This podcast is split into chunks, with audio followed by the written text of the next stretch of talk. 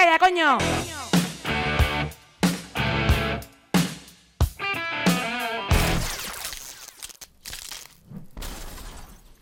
Hola, hola, hola, molt bones a tothom. Tornem a estar aquí en el programa de les ovelles negres de Donat. Avui estem fent una miqueta canvis importants a la nostra emissió, eh, importants per nosaltres, així que esperem que vagi tot estupendament.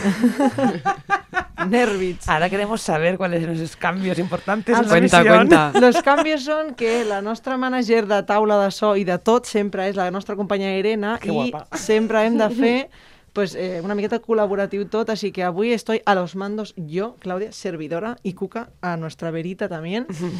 així que avui, doncs, bueno, està sent calorós, estem juliol ja, mare de Déu, que ràpid ha passat el ditxós any, així que, bueno, calorito, calorito, se nota ja els tirantets i tot, les terrassetes plenes, esperem que tothom estigui bé de salut i que tot estigui estupendament. Avui tornarem a passar amb la nostra secció amb l'estimada Carme, que és la secció de Moliendo Café.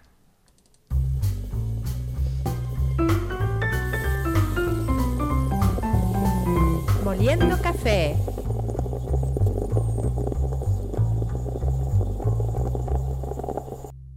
Molt bon dia a totes les ovelles negres.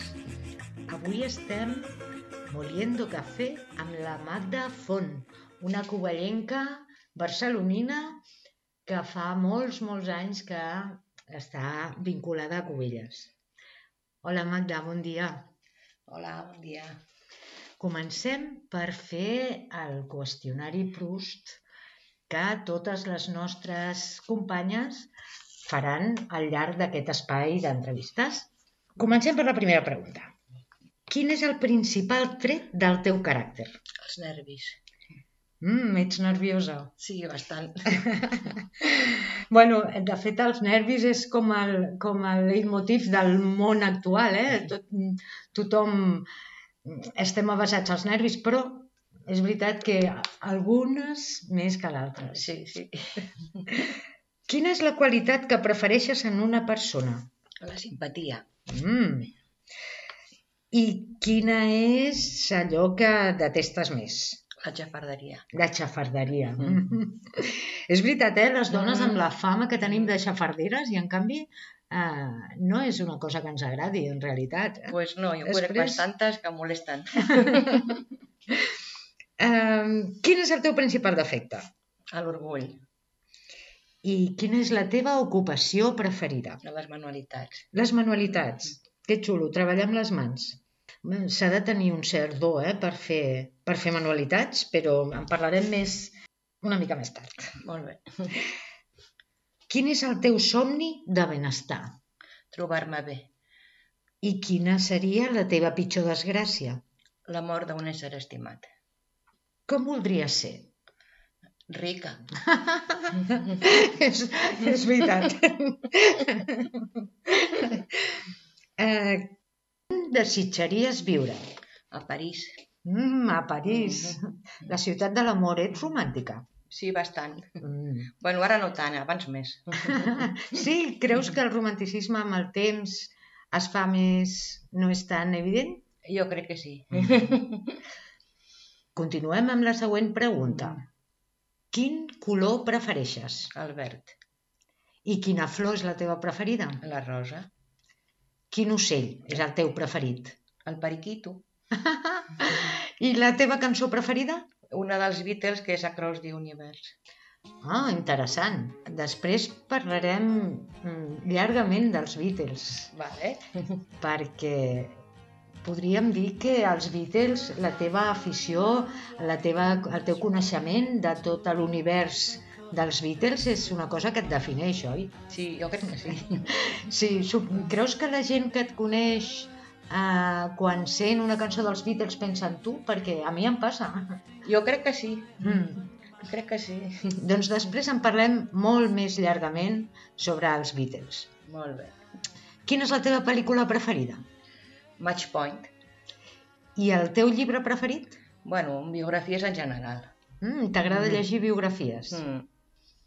El teu menjar preferit? La paella. Les teves heroïnes de ficció preferides? L'Escarlata O'Hara. Mm. I les teves heroïnes a la vida real? pues la Montserrat Cargullà. Montserrat Carulla. Mm. Quin famós viu t'agradaria conèixer? Bueno, pues el Paul McCartney. Inventa't el nom d'una mascota. Pinxo. Pinxo. Eh, quan dius pinxo, què penses? Amb un gos, amb un gat, amb un... Sí, amb un gos, amb ratolí. un gat, sí, Sí? sí, sí. Pinxo. El més normal. Quins dons naturals voldries tenir? pues veu per cantar. Mm, que bonic. La música està, forma part de la teva vida, eh? Després, ja dic, després parlarem més i et coneixerem una miqueta més bé. Molt bé. Quin superpoder t'agradaria tenir? Volar. Com t'agradaria morir? Dormint. Mm. Quin és l'estat present del teu esperit? Com et trobes? Explica'ns. pues amb ansietat. Mm. Vies a una illa deserta. pues mira, m'enduria una ampolla, paper i un boli. Ui, explica'ns això. Bueno, a mi no m'agrada estar sola i en una illa deserta trobo que m'avorriria molt i estaria molt enyorada. Llavors, pues, bueno, pues amb, amb el boli escriuria pues, una nota no, d'auxili, ho ficaria dins de l'ampolla i m'ho tiraria al mar a veure si hi havia sort i algú em rescatava. Molt intel·ligent, és una resposta molt, molt intel·ligent. Quina és la paraula o la paraulota o l'insult que més t'agrada dir? Merda. Què et fa por? És a dir, a què li tens fòbia? Els rèptils. Els rèptils, Mm. les serps, tot això. no? Les serps, els, els llargandaixos. els argandaixos, els Mm. dinosaurios, que encara que no existeixen, però no m'agrada veure les pel·lícules, els dinos, ni aquestes coses, em fan molta... Només de pensar-ho, eh? Sí, em poso malalta. Si poguessis triar viatjar en el temps, aniries al passat o al futur? Al passat. I a quina època del passat, per cert? Pues, per exemple, a l'edat mitjana, Mm. I, i si miro molt, doncs poder als anys 60, que jo era molt petita i no em vaig enterar de res, però així estaria en l'època Beatlemaniaca. I què creus que no faràs mai a la vida? Crec que matar. I per últim, la última pregunta d'aquest test eh, que fem a totes les dones que entrevistem, de quina cosa t'has adonat aquest últim any? Pues crec que en realitat som febles. Mm, de la nostra feblesa, eh? dels, dels éssers humans. Sí. Mhm. És veritat, ha estat Mm. un any complicat per tothom. Sí, sí, sí. Molt. Magda, explica'ns com vas arribar a Cubelles. Quin és el teu lligam amb Cubelles? Bueno, jo tota la vida he vingut perquè van començar a venir els meus pares als anys 50, els que va agradar, es van quedar, es van fer una torreta, que ja no està, però es van fer una torreta molt mona. I bueno, jo quan vaig néixer ja als tres mesos ja estava aquí a Cubelles.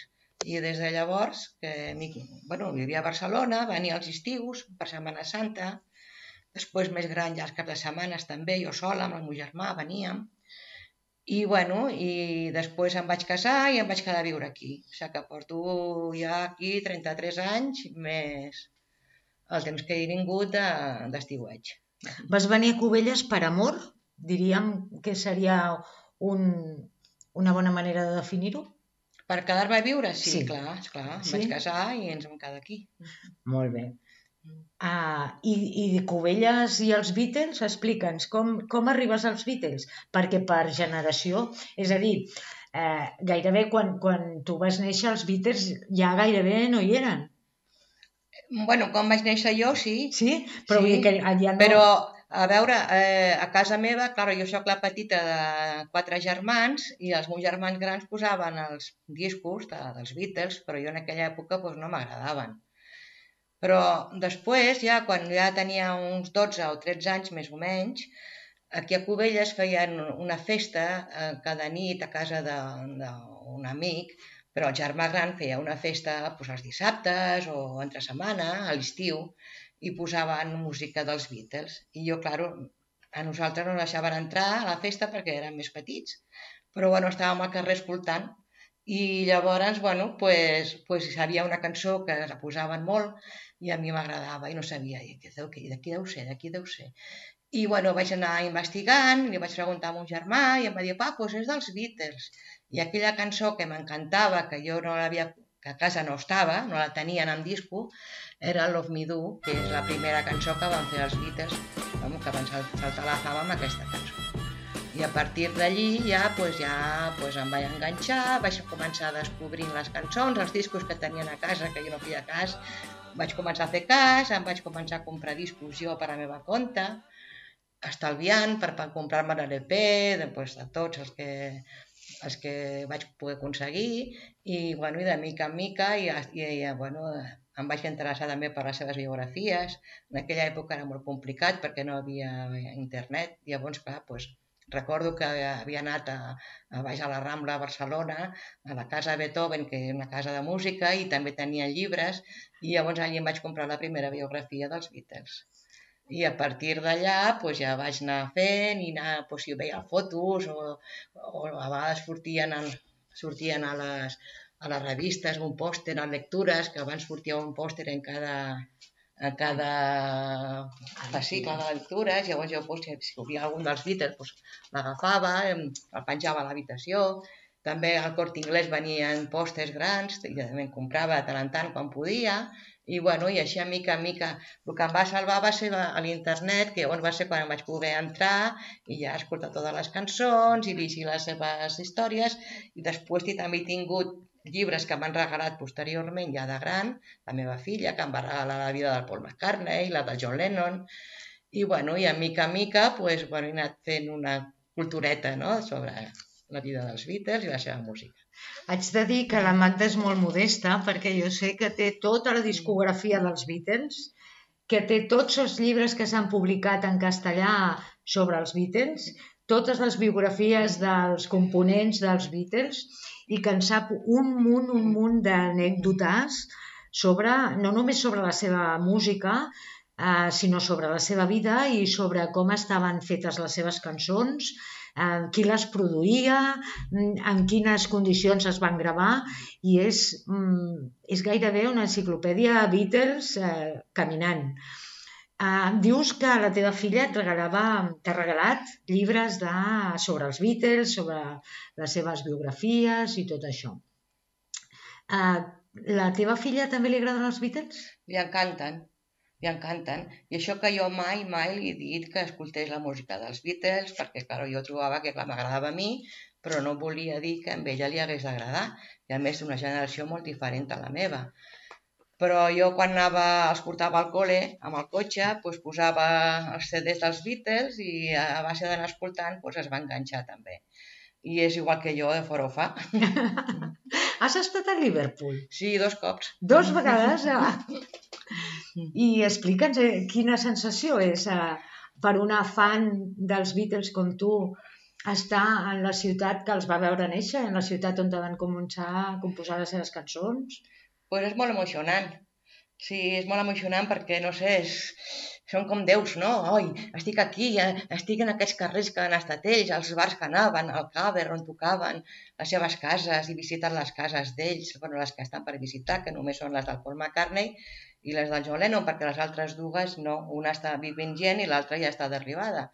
Però bueno, hem fet tot el tour de tot, del, de les Strawberry Fields, de, bueno, de tot el Penny Lane, de, de tot el que els Beatles cantaven i tot, doncs, això ho he viscut i clar, va ser molta alegria i molta il·lusió, no? Podries escollir una cançó dels Beatles com a favorita, com a... Home, m'agraden moltes, però ara mateix la que se m'acut doncs, és Here, There and Everywhere, que és una cançó lenta molt bonica i no és de les més famoses, i està en el disc del Revolver i és la preferida del John Lennon, però aquesta la va compondre el Paul McCartney. Ah, explica'ns això. Un John Lennon mm, semblava una persona mm, molt pagada de si mateixa, per tant, eh, que digui que, a més, tinc entès que van acabar una mica barallats, oi, Paul McCartney i John Lennon? Sí, sí, van, aca van acabar barallats mm, per diversos motius, perquè primer perquè el, el Paul McCartney li agradava molt manar i ell volia que tot es fes com ell volia. I entremig es va ficar la Yoko Ono, que no és que sigui la culpable de la separació dels Beatles, però va influir. Això va ser o sigui, no va ser el definitiu, però sí que va ser pues, una entrada ja a la separació. Després també havien arribat un, havia arribat un punt que ells ja volien fer la seva per la seva compte, perquè és que ja estaven cansats d'estar tants anys junts i cada qual tenia ja les seves activitats pròpies, com per exemple doncs, al George Harrison li agradava el, el cinema, que va produir els Monty Python, i va, inclús va sortir amb un trosset de la pel·lícula de la vida de Brian, així, esporàdicament, sense dir res, però va sortir també. Després el Ringo Starr va començar a fer disc, també pel·lícules i discos de, recordant les, velles, les velles èpoques antigues de, de, de l'Elvis Presley i tot el rock and roll primer que havia. I, i, bueno, i el John Lennon pues, es va dedicar a la Yoko Ono i tot el que deia la Yoko Ono pues, ell pues, ho feia. I, i van tenir problemes també pues, econòmics perquè van muntar l'Apple que era, era una associació no, d'una empresa que van muntar, però ells no eren empresaris. Llavors, doncs, clar, els hi va anar malament perquè no, no, tenien, no sabien com fer-ho, els hi van robar molts diners, van estar en judicis també, entre ells, el Pol els va denunciar, bueno, un, un lío. I al final, total, que es van separar. Van acabar molt malament, però després, amb els anys, doncs, es van tornar no a tocar junts, però sí que van tornar a recuperar una altra vegada l'amistat. Tu recordes, imagino que deus recordar què feies en el moment en què vas saber la notícia de l'assassinat de John Lennon. Pues sí, jo sortia de casa d'una amiga i estava baixant les escales, era al migdia, era un dia que era al migdia, no era d'entre setmana, no recordo el dia que era, sé que era el 8 de desembre, però entre el dia de la setmana no me'n recordo. I, però baixava les escales i bueno, el germà d'aquesta amiga meva va sortir corrents i Magda, Magda, que se ha muerto a John Lennon, que lo han matado. Yo, ¿qué dices? Diu, sí, sí, sí, és verdad, és verdad. No m'ho podia creure, bueno, va ser un drama. Els meus amics em trucaven per donar-me el pèsam. La meva mare em deia que estava boja. em vaig fer un fart de plorar. Bueno, en sí, fi. vas plorar, vas Ui, plorar. molt, molt, ho vaig sentir moltíssim, moltíssim. Molts anys després vaig continuar sentint-ho. Ara ja, bueno, ja fa molts anys i bueno, sí, em fa llàstima, però bueno, ja ho tinc superat, però em va costar molt, molt. I en John Lennon és el teu Beatle preferit? pues mira, no us ho sabria dir, perquè estic entre els dos, entre el John Lennon i el Paul McCartney. M'agraden els dos.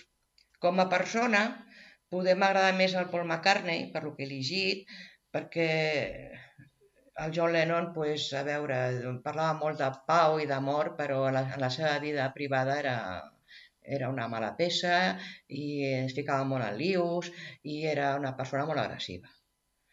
I en canvi el Paul McCartney, bueno, claro, també tindrà els seus defectes, però ell és educat i, i, bueno, i és una persona que, a veure, que jo crec que s'hi pot parlar més que no amb el John Lennon, que sempre estava a la que saltava. Mm -hmm. I escolta'm, eh, la música dels Beatles t'ha acompanyat, pel que ens expliques, tota, tota la teva vida. I, i d'alguna manera, imagina't, no? si quan amb l'assassinat de John Lennon els teus amics i la gent et trucava per donar-te el pèsam, és, tornem a allò que hem dit al començament, que una mica la teva passió pels Beatles et, et defineix. Eh, continues escoltant la seva música? Sí, de tant en tant, sí. El que passa que és que ara ja la veritat és que no escolto tanta música, Mm -hmm. però és que ja me la sé de memòria, també. Llavors, és clar, mm, sí, m'agrada, i... però disfruto més quan estic en un altre lloc, que no estic a casa, i la sento doncs, en un bar o a una casa d'un amic o a la ràdio, doncs em fa més il·lusió, o en una festa, no? em fa més il·lusió que no posar-la jo, perquè és que jo a vegades no, no sé ni què posar, llavors a vegades no poso res perquè no sé ni què posar. I però clar, és que la tinc ja fa ja 40 anys que l'estic escoltant i clar, és que ja, ja no dona més, eh, sí, però sí, m'encanta, des de luego. I mm, has vist també les pel·lícules Sí, que han fet sí, Beatles? sí, sí, sí. Totes? Totes, crec que sí, vaja, la, uh, Hardest Night, que va ser la primera, després Help, que la vaig veure un, una, un muntó de vegades, perquè la feien al cine a Barcelona per Nadal, i jo anava sola al cine a veure-la, i anava tots els dies de les festes de Nadal, aquell any, cada tarda al cine, i entregava la dels Beatles, i com que era sessió contínua, feien una del Schubert, que era en blanc i negre i en alemany, i també me la tragava per tornar a veure-la. l'altra una altra vegada, i així vaig estar tota la setmana, i clar, i després ja me la vaig comprar en vídeo, quan va sortir, I després la pel·lícula de Larry B també l'he vista. I després també aquesta que van del Magical Mystery Tour, però aquesta no, no em va agradar. És molt, molt rara. Abans, eh, quan parlaven, em deies que una mica vas aprendre anglès per, eh, per conèixer més bé les lletres de les cançons dels Beatles. Va ser un dels incentius i, a més, et va ajudar molt a l'hora de, de que aprenies anglès, no? Sí, les clar. lletres de les seves cançons. Sí, esclar, és que jo vaig començar a aprendre l'anglès per això, perquè volia cantar les cançons dels Beatles i saber el que deien.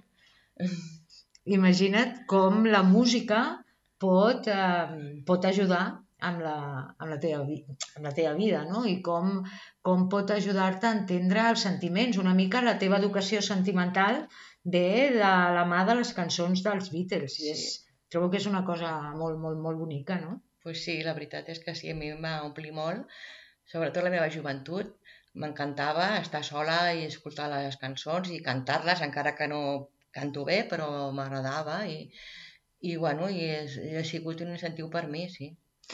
Quina, quines cançons creus que t'agraden més? Ja has dit que t'agraden tots, però les t'agraden més o recordes més o, o, o estan més connectades amb tu les cançons de Paul McCartney o les cançons de John Lennon? Depèn, dels dos.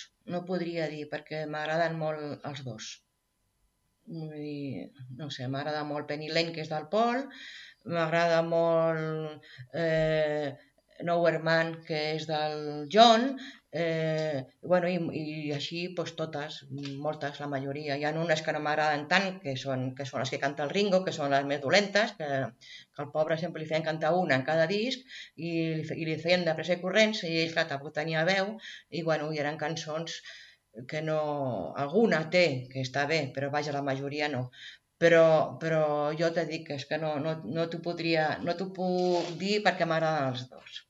Clar, perquè els que, els que només hem sentit els Beatles, eh, que també eh, entenem que són un referent, i que, però que, que no els hem escoltat massa o, o no tant com tu, evidentment, per, per mi, per exemple, jo sento una cançó dels Beatles i per mi canten els Beatles, però tu saps exactament gairebé la gestació de la cançó, qui la va composar, qui la canta en aquell disc, quina cançó fa Ringo, quina cançó fa George Harrison, quina cançó Paul McCartney, quina cançó John Lennon. Tu, a més a més, tens tota aquesta visió de, de la producció del disc, no? I això ho trobo molt interessant. Per tant, eh, si, si algú vol escoltar els Beatles com cal, recomano que us trobeu amb la Magda i us ensenyi eh, els seus discos i les seves cançons, perquè són, de veritat que és un plaer parlar amb ella sobre el tema dels Beatles. I res més, fins aquí hem arribat avui en aquest Moliendo Café, avui hem molgut un cafè molt sessantero amb, amb la música de tota una generació i amb, les, i amb les poesies de les lletres dels Beatles i la Magda Font. Un plaer, Magda. Moltes gràcies. lead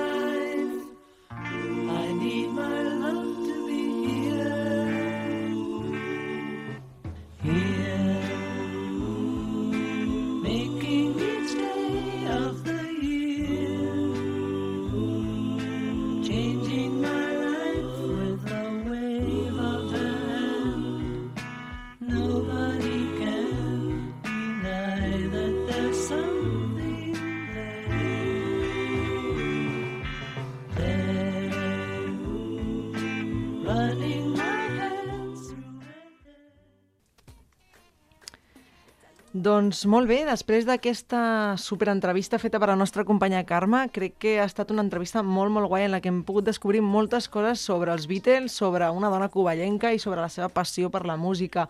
Ara bé, vindria la part final del nostre programa, que seria el de la reflexió final. Uh, la cançó que hem escollit aquesta setmana és la cançó de Tímida, de Thalia i Pablo Vitar, que aquesta cançó va ser de Thalia, que és una, una cantant que va decidir col·laborar amb un drag queen brasiler anomenat Pablo Vitar, Uh, aquesta opció per fer aquesta música es va ser per poder bueno, donar la participació a una dona trans dintre del que és la música comercial.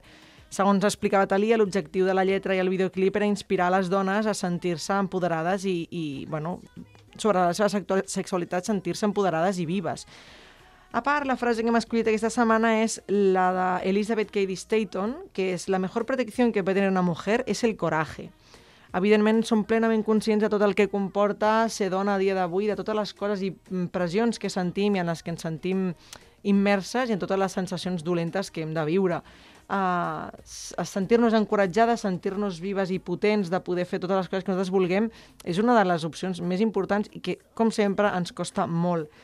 Creiem que és molt important donar-vos exemples de diferents tipus de música i de diferents tipus d'artistes perquè bueno, és important conèixer la varietat i veure bueno, la diferència i la bellesa que n'hi ha dins de la diferència.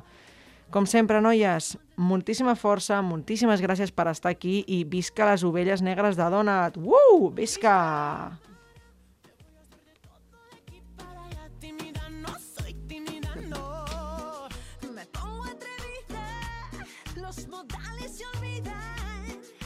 desnuda.